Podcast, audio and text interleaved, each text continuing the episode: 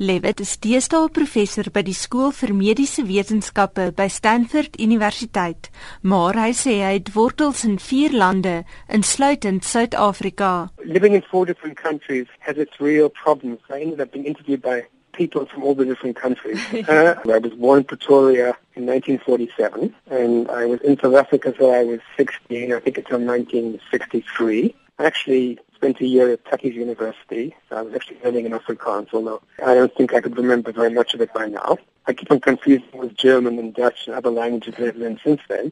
Then I went to London and continued my studies. And then I spent time in England and in Israel and in the USA. So I've sort of spent a quarter of my life in South Africa, England, Israel, and the USA. But uh, since I left South Africa at the age of 16 and I'm 66 years old, you can see where the quarter comes from. You know, I've been back a few times. My father, who passed away about 10 years ago, lived in Sea Point for quite a long time.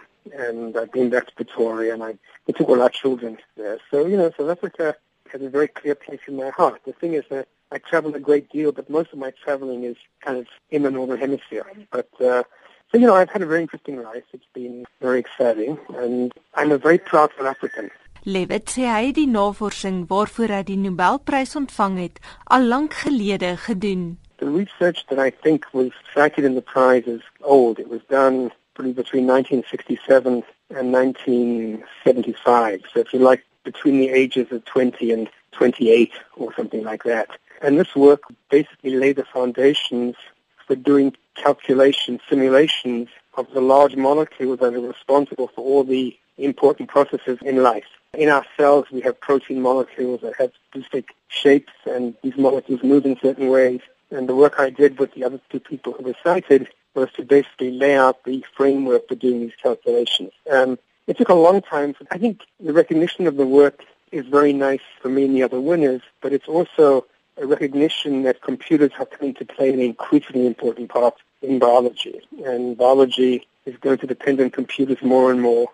Computers become more and more accessible, more and more cheap. So it's a natural kind of meeting of computers and biology. Maar hy sê al is die prys 'n groot eer, gaan dit nie so 'n groot verskil aan sy lewe maak nie. I'm really in a really really good university. You know, I have sufficient funds to do my work. I don't actually see it changing my life very much. I certainly hope not. I don't actually see my life changing. I certainly hope it does. I've had a great life. I have a wife who I've been married to for 45 years. I've got three children, three grandchildren, a dog.